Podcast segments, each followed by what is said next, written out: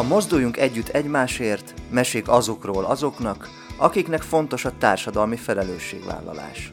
Műsorunk termék megjelenítést tartalmaz. Sziasztok, kedves Open Rádió hallgatók! Ismét itt vagyunk.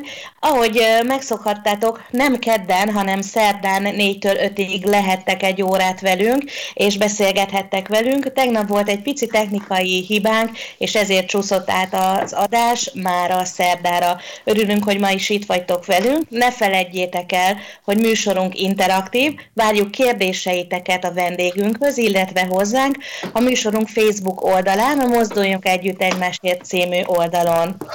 Mai vendégünk nem más, mint Csecsner Otília, dramaturg, műfordító, aki az eltén, valamint a Színház és Filmművészeti Egyetemen szerzett magyar, angol, illetve dramaturg szakos diplomát.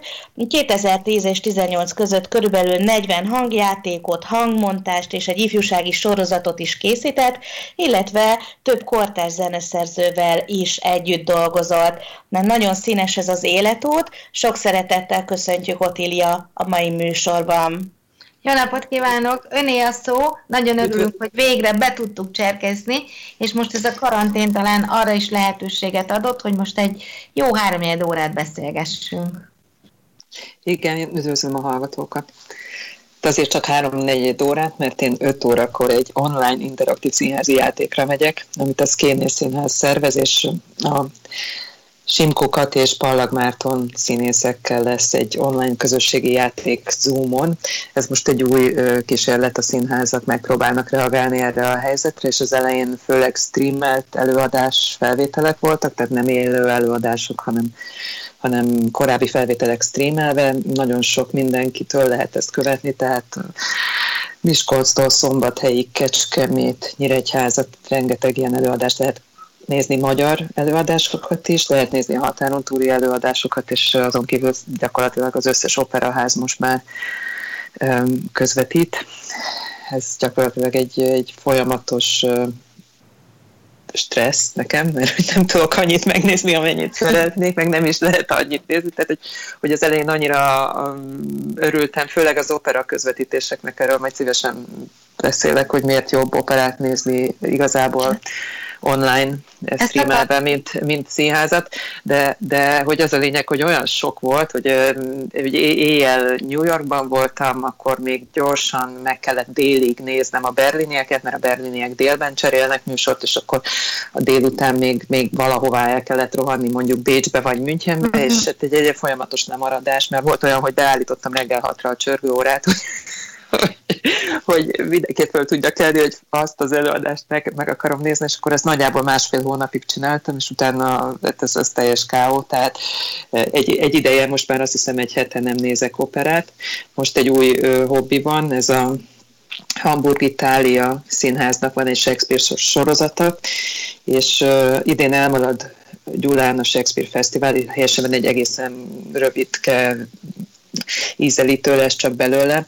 Éppen tegnap kérdeztem az ottani szervezőket, tehát lehet, hogy még ez változik, de most a tegnapi állás szerint úgy nézett ki, hogy, hogy a június végén kezdődő fesztivál azért így ebben a formában, ahogy tervezték, nem indul el, és hát a, helyet így gondoltam, hogy akkor legyenek a Tália Színház előadásai. Az, ami nagyon nehéz a, a, az online színházban, hogy az ember nem tud ott erről. Mindenféle szintén Zoom, meg online streamelt beszélgetések vannak, de, de a színház azért mégis az egyidejű pillanat és a nézők jelenlétére épít, és ez nagyon kevéssé él meg a, a mm, kivetítőn, vagy a képernyőn, vagy a telefonnak a monitorján. Bocsánat, hogy önbe folytam a szót, de egy kicsit beszélgettünk a műsor előtt arról, hogy miért lesz különleges, igazán különleges ez a mai előadás. Egy picit ossza meg velünk a titkot. Hát, hogy tulajdonképpen arra láttunk már kísérletet, hogy valami online történik. Az is lehet, hogy valamit online közvetítenek, tehát olyan is van, hogy, hogy mondjuk egy premier online streamelődik mondjuk Münchenből, a Staatsoperből, erre vannak bevett gyakorlatok. Az is lehet, hogy egy előadás felvételét közvetíti egy színház, és akkor az meg van vágva a három kamerás, öt kamerás felvétel, tehát tulajdonképpen úgy néz ki, mint a valamelyik kulturális tévécsatornán néznénk egy felvételt. A, e, ebben az a különleges, hogy ez nem az internetnek egy csatornáján fog jönni, hanem ez Zoomon fog jönni, ami, amiben mi is be tudunk csatlakozni, tehát ennek lesz 12-13 nézője ennek, a, ennek az előadásnak, és ez egy online közösségi játékkel fog alakulni, tehát a három órás zoomolás során közösen kitalálnak két szereplőt, és közösen alkotunk nekik egy történetet. Tehát annyit tudunk, hogy a történetünk egy titok köré fog épülni, minden más a rejtély jótékony homája borít, tehát 12 résztvevőt várnak, hogy utat találjon a múlt sötét ösvényein. Uh-huh. Tehát, hogy én még ilyenben nem vettem részt, ez 17-től 20 óráig fog tartani, és a, az indulás előtt 30 perccel lehet belépni, azt hiszem, tehát az azt indulás én... előtt 10 perccel már be kell, és, és tulajdonképpen a történet is ott fog megszületni a Zoom résztvevőivel. Tehát ez, ez mindenképpen érdekes. Ugye a, a, az online tanításnak is vannak különböző kísérlete, és vannak pedagógusok, akik szerencsére egészen jól uh, tudják használni a digitális platformot, mert mondjuk uh, elég innovatívak és eléggé digitális benszülöttek ehhez, de a színház azért erre még nem tudott ilyen módon reagálni, tehát ugyan kíváncsian várom. Itt két dolgot kell kell összerakni, a színházat, és a az interaktív játékot a színházi nevelési programok vagy um, tantermi előadások során megszokott játékot fogják valahogy dramaturgiailag ötvözni, engem ez nagyon érdekel. És egyébként erre a ma esti előadásra lehet még jelentkezni, vagy már előzőleg uh? Hát, már ez rég betelt, de úgy tudom, hogy lesznek még események. Az a neve, hogy elmondjuk, hogy köztünk marad uh-huh. online interaktív színházi játék. Én a Facebookon találtam rá a hirdetésükre. Ez a Szkénének az eseménye. Amit még tudok az alkotókról, hogy a játékvezetők Szivák Tóth Viktor, Szemerédi Fanni és Hódászi Ádám, és a Rakpart 3 Facebook oldalán keresztül kell náluk jelentkezni, vagy nekik írni. Én úgy tudom, hogy még lesz alkalom, de most ezt hirtelen itt nem találom meg, úgyhogy nem tudok erről hirtelen most többet. Nem baj.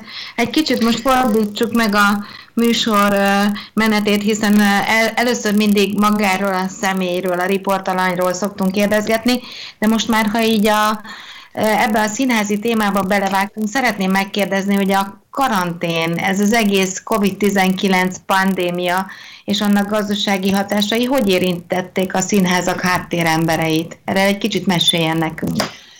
Hát ugye a háttéremberek kevéssé ismertek a közönség számára, tehát hogy arra nagyon kevesen figyelnek például, hogy a dramaturgok azok státuszban vannak-e, alkalmazásban vannak-e, van -e egy produkciónak dramaturgia, tehát a, a néző jó esetben a színészt látja, vagy a táncost látja, vagy a színészt és a táncost látja, esetleg a karmestert, de, de, de a háttérmunkásokra nagyon kevéssé figyel, és ö, ö, tulajdonképpen az is nagyon érdekes, hogy én az online térben mindenféle kurzusokon veszek részt. Tehát volt a Manna, Mannának egy képzése, ami színházi menedzsmenttel volt kapcsolatos, például szerzői jog, az hogyan működik a színházakban, vagy milyen foglalkoztatási formák vannak, és ilyesmi. És azért az itt is kiderült, hogy, hogy a dramaturg az egy ilyen mostoha gyereke a, a színháznak tulajdonképpen, mert hogy a, a szerzői jogi törvény és az előadó művészeti törvény gyakorlatilag az összes többiekről rendelkezik az alkotó művészek között, de dramaturg az eléggé kérdéses jogilag is, hogy hová sorolható. És akkor a dramaturgon kívül még vannak azok a, a színázi emberek, akik nélkül nem jönne létre egy előadás, gondolok itt az asszisztensekre, meg a súgokra, meg a koreográfus, asszisztens, koreográfus asszisztensekre, meg a jelmezkivitelezőkre, meg egy csomó egyéb műhelytári dolgozóra, vagy műhelyekben dolgozóra, és ők is mind nagyon nehéz helyzetbe kerültek, de ugye a közönség figyelme az a színészekre koncentrálódik, tehát az biztos, hogy rögtön jöttek különböző segítségek, amik az előadó művészekre voltak írva, tehát volt a Tália Színháznak, a Játékszínnek, az előadó művészeti jogvédő irodának, segély programja, meghirdettek egy hangos könyvpályázatot előadó művészeknek, a Független Előadó Művészeti Szövetség is segíteni próbált, de, de nagyon kevés olyan pályázat nyílt meg ebben a tulajdonképpen pánik helyzetben, ami a háttéremberekre vonatkozott volna, és hát ők azért valószínűleg sokkal rosszabb helyzetben vannak, tehát kevésbé tudnak tartalékolni, hiszen uh, nyilvánvalóan nem sztáros gázsikért dolgoznak, és, uh, és hát őket rendre el is felejtik, vagy hogyha egy szoros költségű produkció van, akkor azért uh, majdnem biztos, hogy akkor a dramaturg az első, akit lehúznak. Mennyire tartanak össze a szakmában most a háttéremberek? Hát szerintem lehet ezt idealizálni és azt gondolni, hogy mindenki segíteni akar mindenkinek, de szerintem mindenki elsődlegesen a saját egzisztenciáját próbálja végig gondolni, és hogyha ezen felül marad energiája, akkor azért figyel a többiekre. Én nem gondolnám, hogy kenyérharc lenne, hiszen egyáltalán nincs is most kenyér, tehát hogy nincs, nincs miért harcolni, de, de, de biztos, hogy a Facebookon is voltak olyan kritikák, hogy például egy, egy szerző hosszú nyilvános posztban um, kifogásolta, hogy, hogy bár ő a Szépírók Társaságának is a tagja, a színházi szerzőkről egy petícióban, vagy kiáltványban, vagy segélykérő levélben a színházi dramaturgok céhe elfeledkezett, tehát hogy, hogy mint hogyha mi nem tudnánk, hogy a dramaturg a szerzőből él, hát persze, hogy tudjuk, de hát mondjuk az ember ilyenkor azt gondolná, hogy, hogy, hogy, hogy mindenki a saját szervezetén keresztül próbálja ezt becsatornázni. Egyáltalán nincs ebben gyakorlat, hogy ilyenkor hogyan lehet körberiadóztatni mindenkit, és hát őszintén szóval nem is nagyon tudom, hogy például a, háttéremberek, tehát a, kivitele, a jelmez kivitelezők, a, a, a, a súgok vagy az asszisztensek, ők ilyenkor milyen szervezetekkel képviseltethetik magukat, tehát ez, ez, ezt, ezt nem szoktuk előre végig gondolni, tehát lehet tudni, hogy hol van a szakszervezet, lehet ismerni a függetleneknek a, a szövetségét, lehet tudni, hogy kik azok a nagyobb ernyőszervezetek, mint például a Füge vagy a Manna, akik befogadnak független produkciókat, de hogy, hogy, hogy, hogy nincsenek egy bejáratott gyakorlata, hogy hogyan lehet összerántani a szakmának a különböző területeit lefedő szervezeteket, szövetségeket és együttesen fellépni. Tehát igen, van, hogy valaki lemarad, van, hogy valaki kimarad, és akkor az próbálja jelezni, akkor van korrekció, de nagyjából így. Ön hogyan élte meg Ottilia azt az otthonmaradós időszakot? Azt tudjuk, hogy opera filmeket nézett, de mivel töltötte még az idejét? Hát én úgy találtam egészségügyileg biztonságosnak ezt a helyzetet, hogyha én eljövök Budapestről, tehát én két hét önkarantén után hazajöttem a szüleimhez Kaposvár mellé egy faluba, ahol van egy hatalmas kert, és gyakorlatilag két hónapja nem megyünk ki. De hát itt van minden, és most sokat kertészkedünk, úgyhogy tulajdonképpen ez így eléggé biztonságosnak tűnik nekem.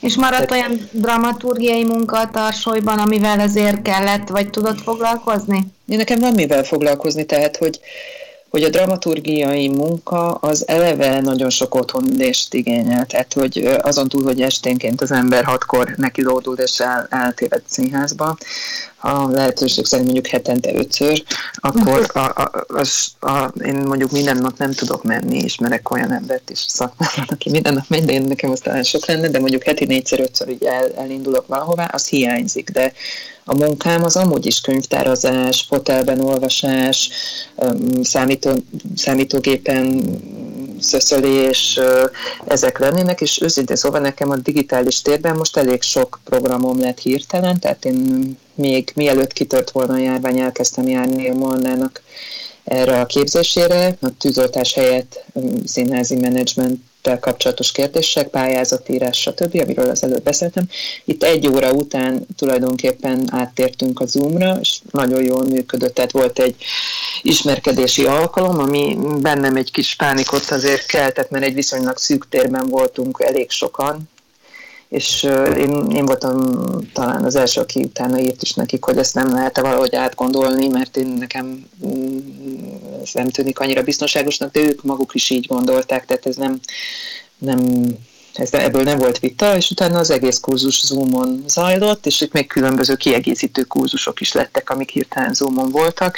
Hát volt olyan nap, hogy mm, gyakorlatilag egymás után három kurzuson vettem részt a függőágyból, tehát azért vannak előnyei, és mm. ugyanúgy hozzáférek az információhoz, a Zoomon be tudok csatlakozni, tehát az ismeretek eljutnak hozzám, és akkor háromkor, nem, talán négykor, ötkor és hatkor volt egy színházzal kapcsolatos beszélgetés, amin így részt tudtam venni ez, nem, ez persze nem tudott volna megvalósulni, mert nem érek át az egyik helyről a másikra. Uh-huh. Tehát ugye ez például egy, egy praktikus része, aztán az is, az is praktikus, hogy a, a, az Arcanum digitális tudástár, az például egy hónapra megnyitotta a hozzáférést, és rengeteg dolgot lehetett találni, ami az én különböző jövőbeli kutatási projektjeimhez kellenek, tehát nagyon sokat tudtam úgy könyvtárazni, hogy nem hagytam el a adott esetben az ágyat vagy a fotelt, tehát hogy a laptopom. Hozzáfértem az egészhez, így annyira lelkes lettem, hogy egyébként most elő is fizettem. Tehát, hogy abban is van egy kedvezményes előfizetési lehetőség, és ez a lehetőség én úgy tudom, hogy még nyitva van, tehát, hogy aki úgy érzi, hogy otthonról kutatna, vagy nézne utána dolgoknak, akkor akkor azért ezt javaslom, ezt, a, ezt az arkánumot, és akkor például most különböző pályázatok ki lettek írva, amikre lehet pályázni, vagy amiket én jövőben szeretnék csinálni, azokkal vagyok elfoglalva, tehát, tehát a digitális platformokon azért elég jól lehet egyeztetni, és akkor szeretnék írni egy tánclibrettót egy előadáshoz, akkor a rendező koreográfussal azért én tudok kapcsolatban lenni és erről beszélni, akkor az azzal kapcsolatos dolgokat meg tudom nézni az árkánumon, tehát olyan nagy törést nekem most nem okozott, és nagyon sok minden kikerült, tehát tulajdonképpen ezt lehet egy ilyen kutatási ösztöndíjnak is felfogni, hát én az életben nem néztem volna végig ennyi, ennyi közvetítést, vagy nem merengtem volna azon, hogy milyen stiláris különbségek vannak a Müncheni operajátszás és a New Yorki operajátszás között, és ezt most azért eléggé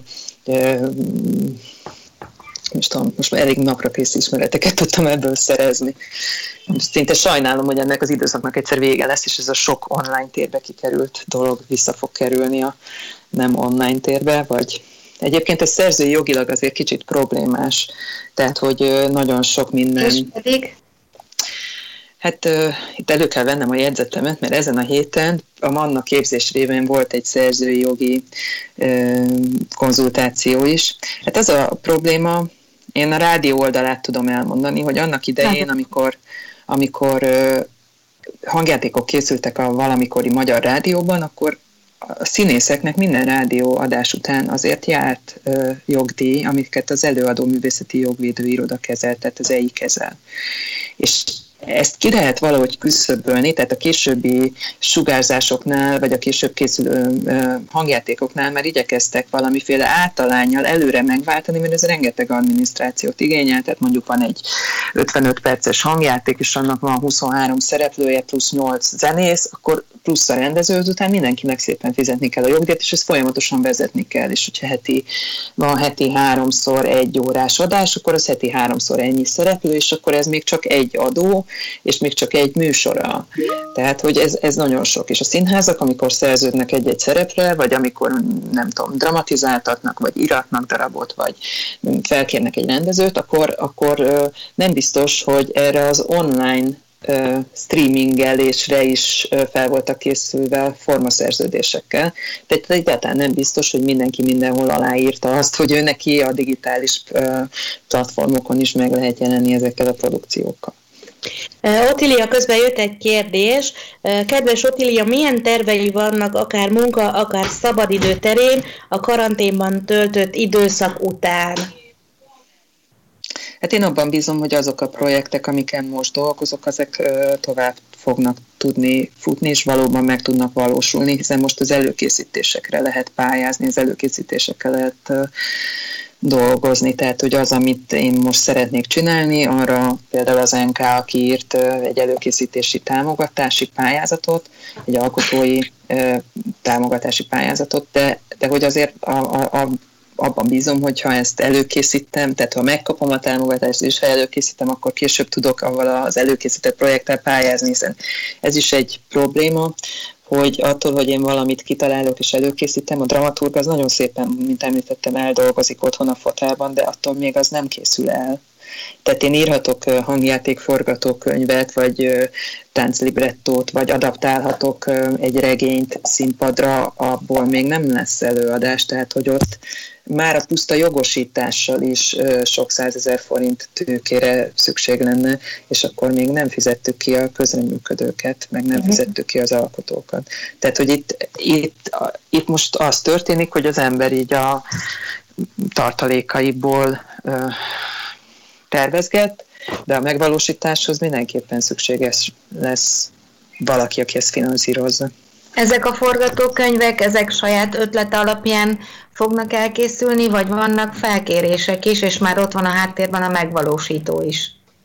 Nem. Tehát én azt mondom, hogy most ebben a jelenlegi helyzetben nincsenek ott a megvalósítók, és nagyon nehéz akár egy ernyőszervezetet is találni, aki befogadja a projektet, ugyanis nem tudták kijátszani a különböző pályázati pénzekből létrejövő produkciókat a 2019-20-as évadban a befogadó színházak sem a független színházak sem, vagy független produkciós irodák, vagy nem tudom, hogy tudnám őket jól megnevezni, ez elnézést azért a e, stiláris bizonytalanságért, de hogy az a lényeg, hogy nem, nem beragadtak az előadások, tehát nem csak a közszínházak bérletei nem játszottak ki, de nem játszottak ki a színházi nevelési programok sem, nem játszottak ki a független színházi előadások sem, és amikor az ember e, kap egy új bemutatóra pénzt, akkor azért e, azt is garantálnia kell, hogy abból bizonyos számú előadás utána nem megy, és ezek nem történtek meg.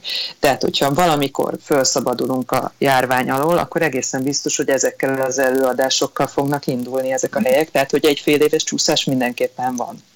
Több ha nem több. Uh-huh, tehát több. lehet, hogy egy hosszabb. Tehát hogyha, hogyha például nem tudom, egy színházi nevelési előadásokkal foglalkozó műhely, vagy drámapedagógiai műhelynek mondjuk 130 ilyen program, programja van beragadva, tehát nem lehet kiátszva, akkor ők szeptemberben, ha el tudnak indulni, akkor azzal a 130-al kezdenek, és majd aztán valamikor később kezdenek el egy újon gondolkodni. És az is problémája a, a, a független szénának, hogy nagyon kevés előadás számmal tudnak dolgozni, mert valahogy az eddigi finanszírozási rendszerben az új bemutatóval lehetett bevételhez jutni inkább. Tehát nem a továbbjátszással. Tehát lehet, hogy ez is meg fog most ebben a helyzetben változni, mert most nagyon fontos lenne, hogy a már elkészült dolgok tovább játszódjanak, és abból is legyen bevétele a produkciós létrehozó társulatnak vagy szervezetnek, plusz a színészeknek is. Azt gondolom, hogy a másik nagy probléma az is, hogy bármi is történik majd ősztől, sokan vészjóslóan nyilatkoznak, sokan optimistában, de nyilván amíg a vakcina nem lesz meg, addig ezeket a bizonyos távolságokat a színházban is ben kell tartani, ami azt jelenti, hogy sok színház harmad, negyed, száza, negyed házzal tud majd indulni, ami még ezt a problémát szerintem meghosszabbítja, hiszen ezeknek az előadásoknak a közönség száma nagyon le fog csökkenni.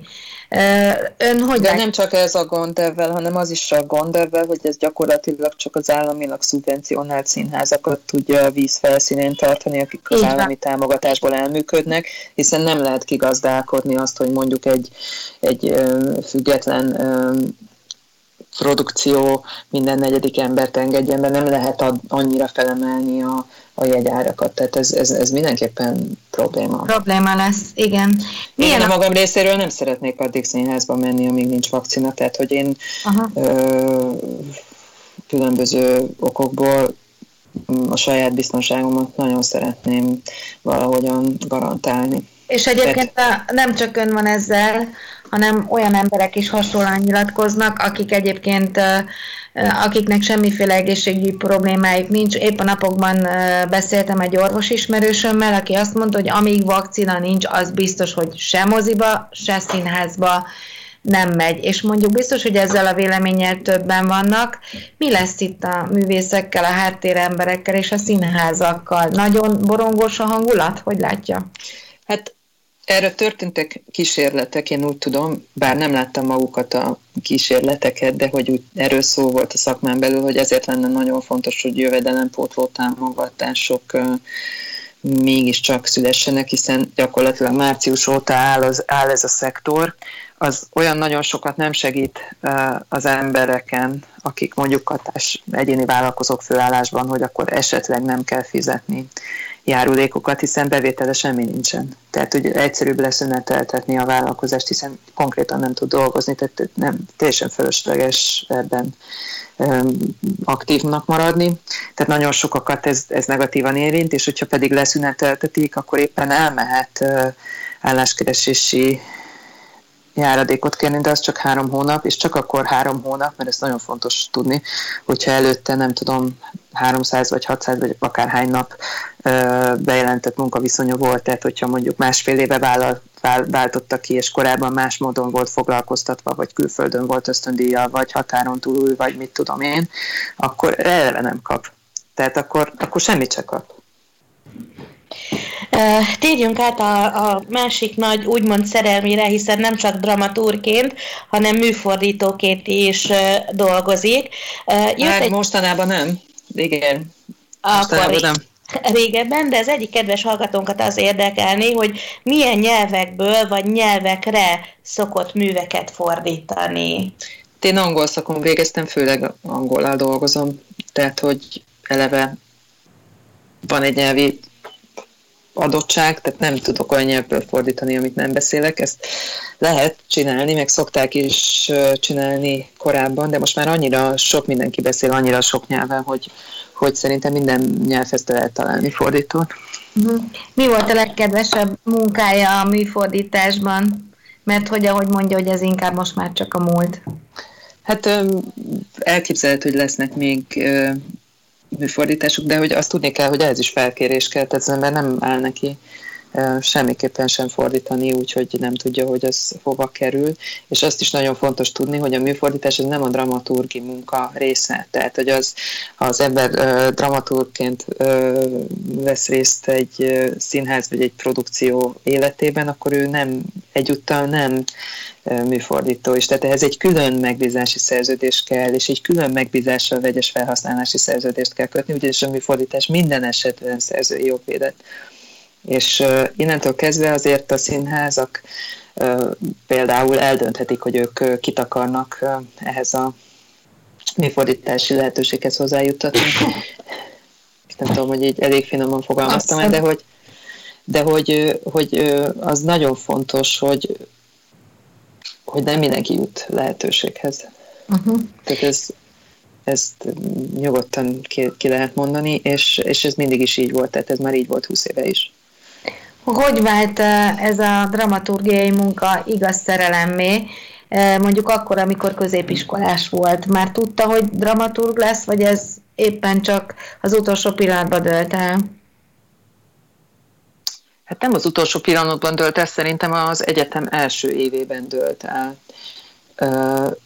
Tehát 94-ben szerintem akkor én a magyar szakra jártam az eltére, úgyhogy előtte megnyertem a magyar nyelvtan OKTV-t, tehát én nekem nem kellett felvételiznem, és ö, ö, gyakorlatilag ez a ez egy felszabadulás volt, tehát hogy bennem volt egy nagyon komoly druk, hogy én nem biztos, hogy azon a vizsgán, a felvételi vizsgán átmennék, mert mindenféle horror történetek járták előtte Pécset, én Pécsen jártam egy angol két nyelvű gimnáziumban, és, és mondom, hát én, én, én nekem muszáj megnyerni az OKTV-t, vagy benne lenni az első tízben, mert én nem fogom tudni letenni a felvételi vizsgát, ez így mai fejjel nézve, ez és abszurd, de hogy én tényleg ezt így értem meg. tehát, hogy, mert hogy az OKTV is azért egy vizsga volt.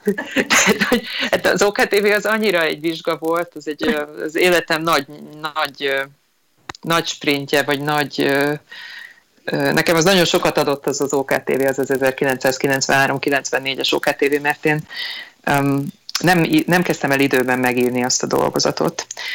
Azért nem kezdtem el időben megírni azt a dolgozatot, mert először én úgy emlékszem, hogy tévesen jelent meg a közlönyben a kiírás, és úgy jelent meg, hogy a legrégi magyar szerelmes levelek statisztikai jellemzése. Hát, én, én néztem, hogy statisztika, mateknak nem tudom, hogy mi lesz, akkor én nem okát tévézek, és ott egész nyáron nem csináltam semmit ezzel kapcsolatban.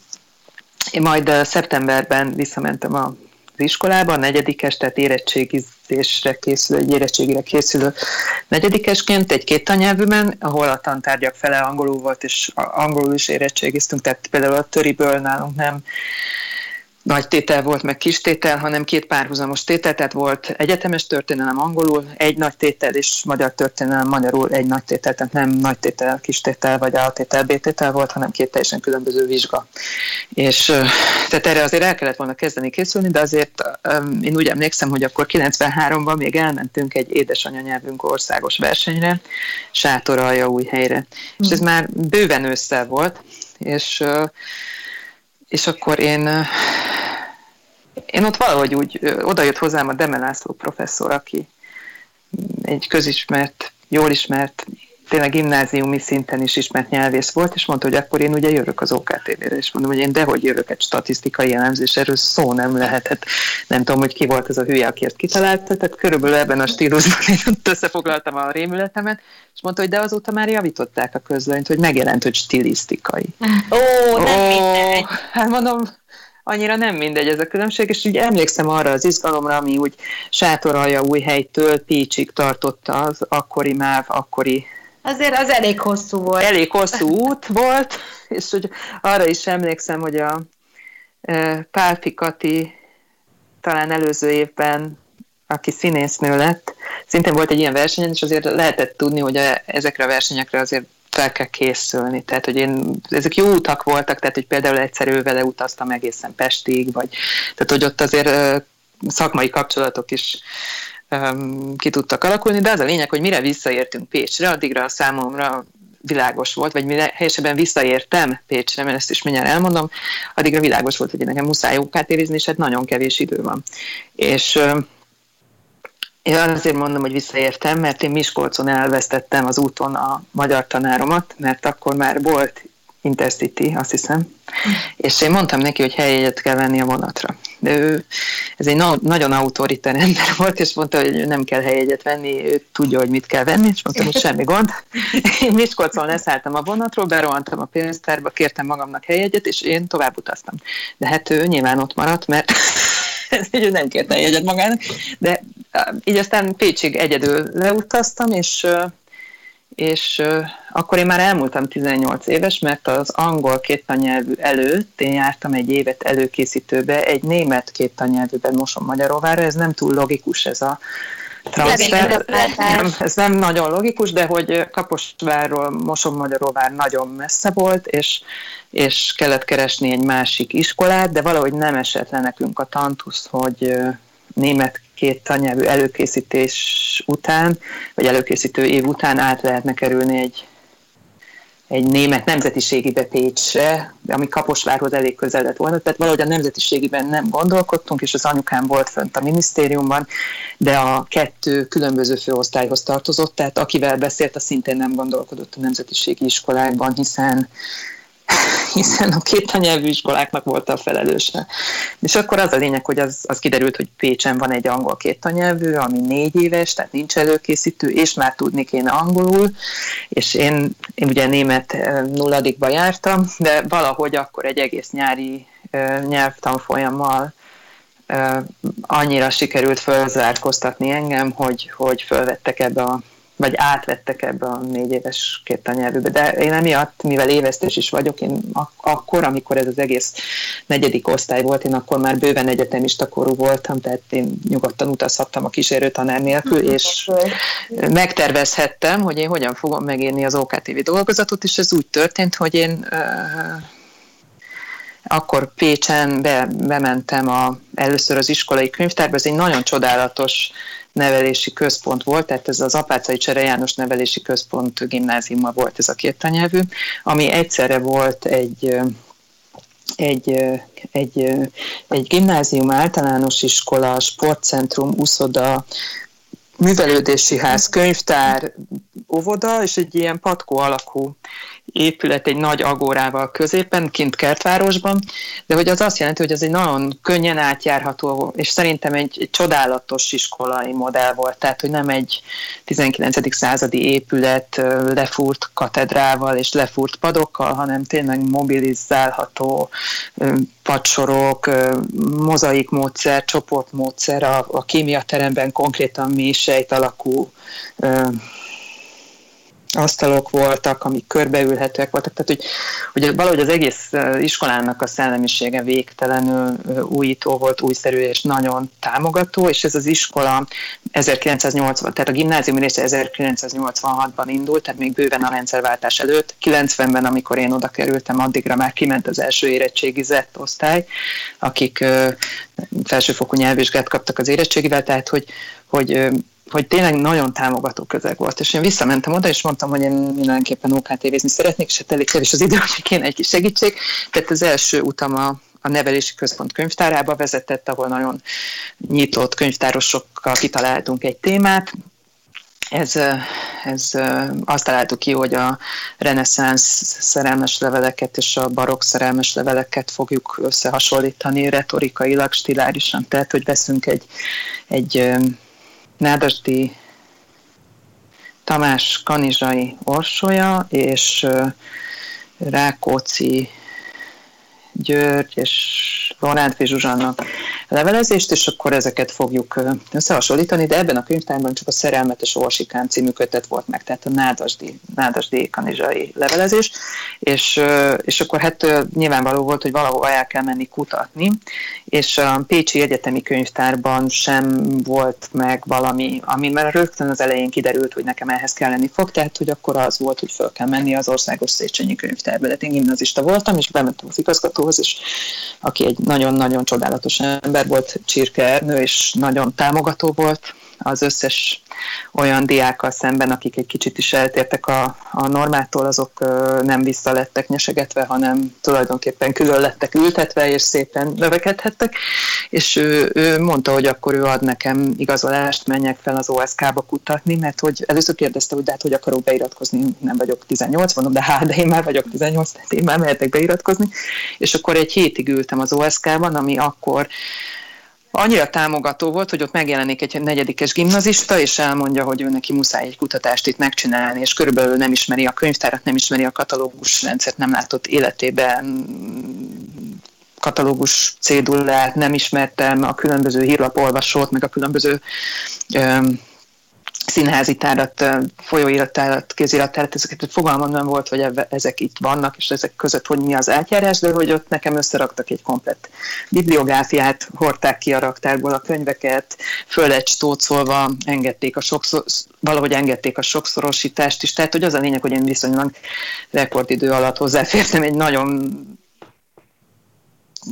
tehát nagy terjedelmű, de ellenben mégis korlátos terjedelmű kutatási anyaghoz, és vissza tudtam menni Pécsre írni a, az OKTV dolgozatot, és, és ott mindenféle kalandok voltak, nem volt még számítógép, akkoriban az iskolában csak az igazgatónak volt számítógépe, és én kollégista voltam Kaposváriként, tehát nyilván nem tudtam semmihez hozzáférni, tehát nem az volt, hogy otthon majd begépeljük az írógéppel, hanem nem volt a koleszban semmi. Nem Eszköz, volt tehát, hogy, telefon tehát nem volt mobiltelefon, hát ez a, ez a kispál és a borznak a telefonálunk két forintossal a magányunkba korszak, tehát, tehát hogy nagyjából így, így, így működött a világ, és akkor az igazgatónak a titkárnője próbált nekem gépelni, de ő például elfelejtette a save gombot használni, és, és amikor, már le, amikor már le kellett volna adni a dolgozatot, tehát hogy már kellett volna postázni, akkor valami kiderült, hogy nincs is elmentve. És hát tehát, hogy ilyen, ilyen kalandok voltak, akkor újra kellett írni egy hétvégén, akkor nem tudom, az a lényeg, hogy a dolgozat időben végül oda jutott, ahova jutnia kellett, és akkor én nagyon megnyugodtam, tehát ezt nekem kellett egyébként fölvinni Pestre, én úgy emlékszem.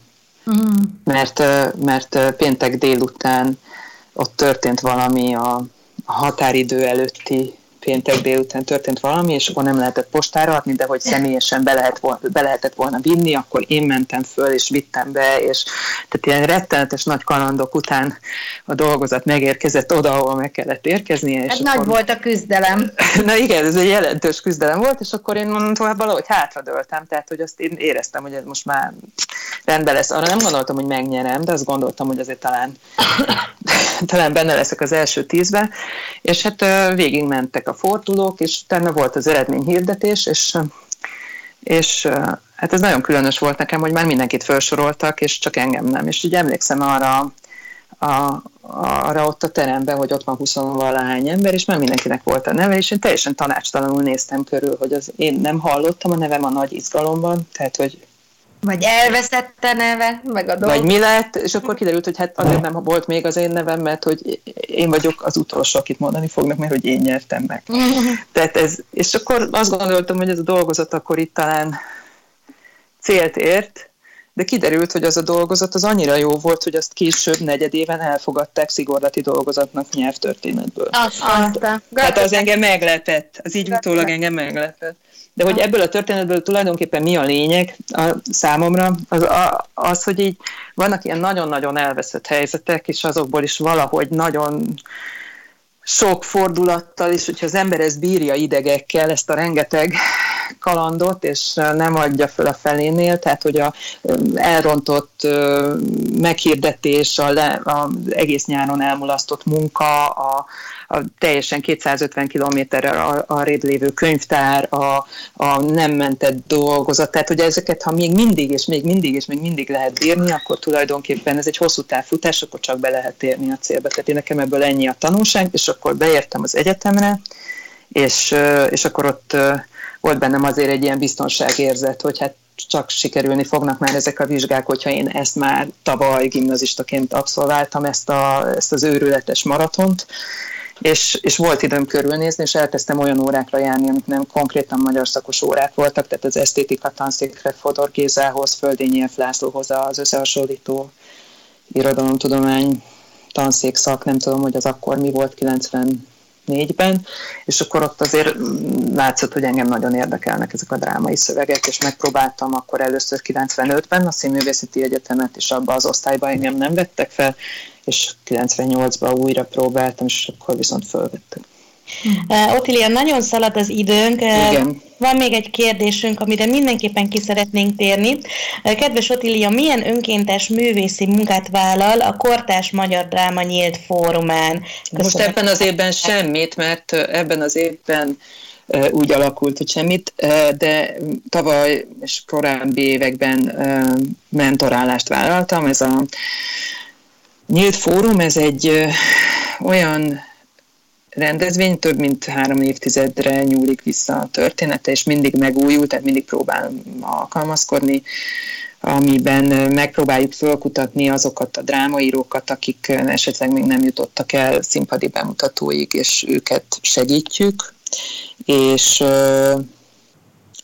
és most úgy, néz ki, úgy nézett ki az előző néhány évben, hogy három forduló volt, tehát volt Nyíregyházán egy előzetes, amikor is a kiválogatott drámákat, fejlesztésre alkalmasnak ítélt drámákat nagyon sok dramaturg vesészte ki több ö, csoportban, napokon át, tehát ez úgy néz ki, hogy szerencsétlen szerző ír egy kezdeményt, beadja, ami nekünk tetszik, és látunk benne fantáziát, és akkor utána hárman-négyen ülünk egy-egy szobában is van ilyen szoba hat, és akkor a szerző bemegy az egyik szobába, és másfél órán keresztül mindenki elmondja, amit gondol, utána bemegy a következő szobába, és ez megtörténik, tehát két napon keresztül mindenki elmondja neki, és akkor van 6-7-8 ilyen szoba, és utána hát valamit kezd ezzel az információval, elvonul, írja tovább, és azután következik egy forduló, ahol már a problémásabb részeket a dramaturg kiválasztja, és abból egy kvázi szembesítő bemutató bemutatót tart a Debreceni Deszka Fesztiválon, és a végén van a poszt, amin, amin ez egy felolvasó színházban az addigra fél év alatt megírt dráma bemutatódik, és tulajdonképpen ott a dramaturg ezt összeállíthatja.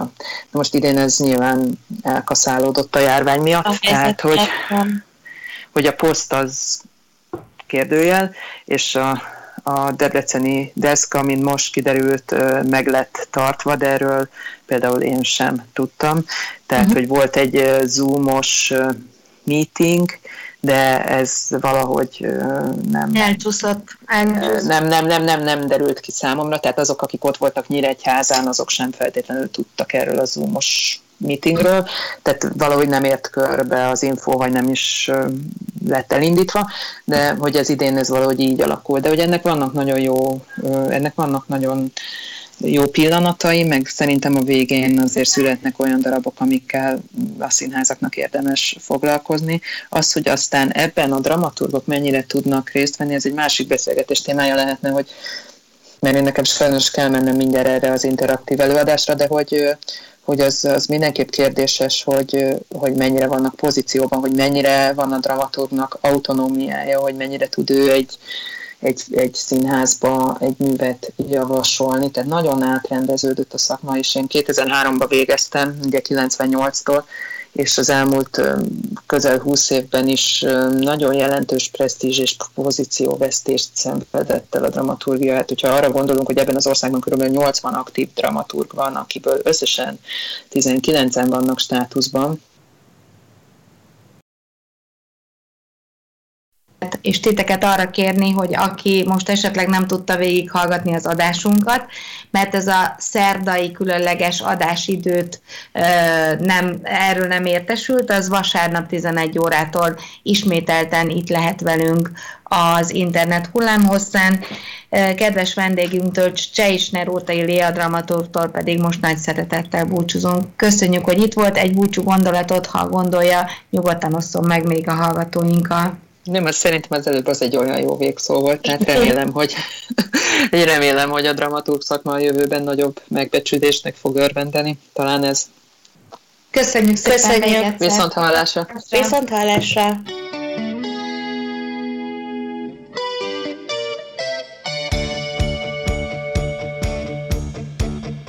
A Mozduljunk Együtt Egymásért mesék azokról azoknak, akiknek fontos a társadalmi felelősségvállalás. Műsorunk termék megjelenítést tartalmaz.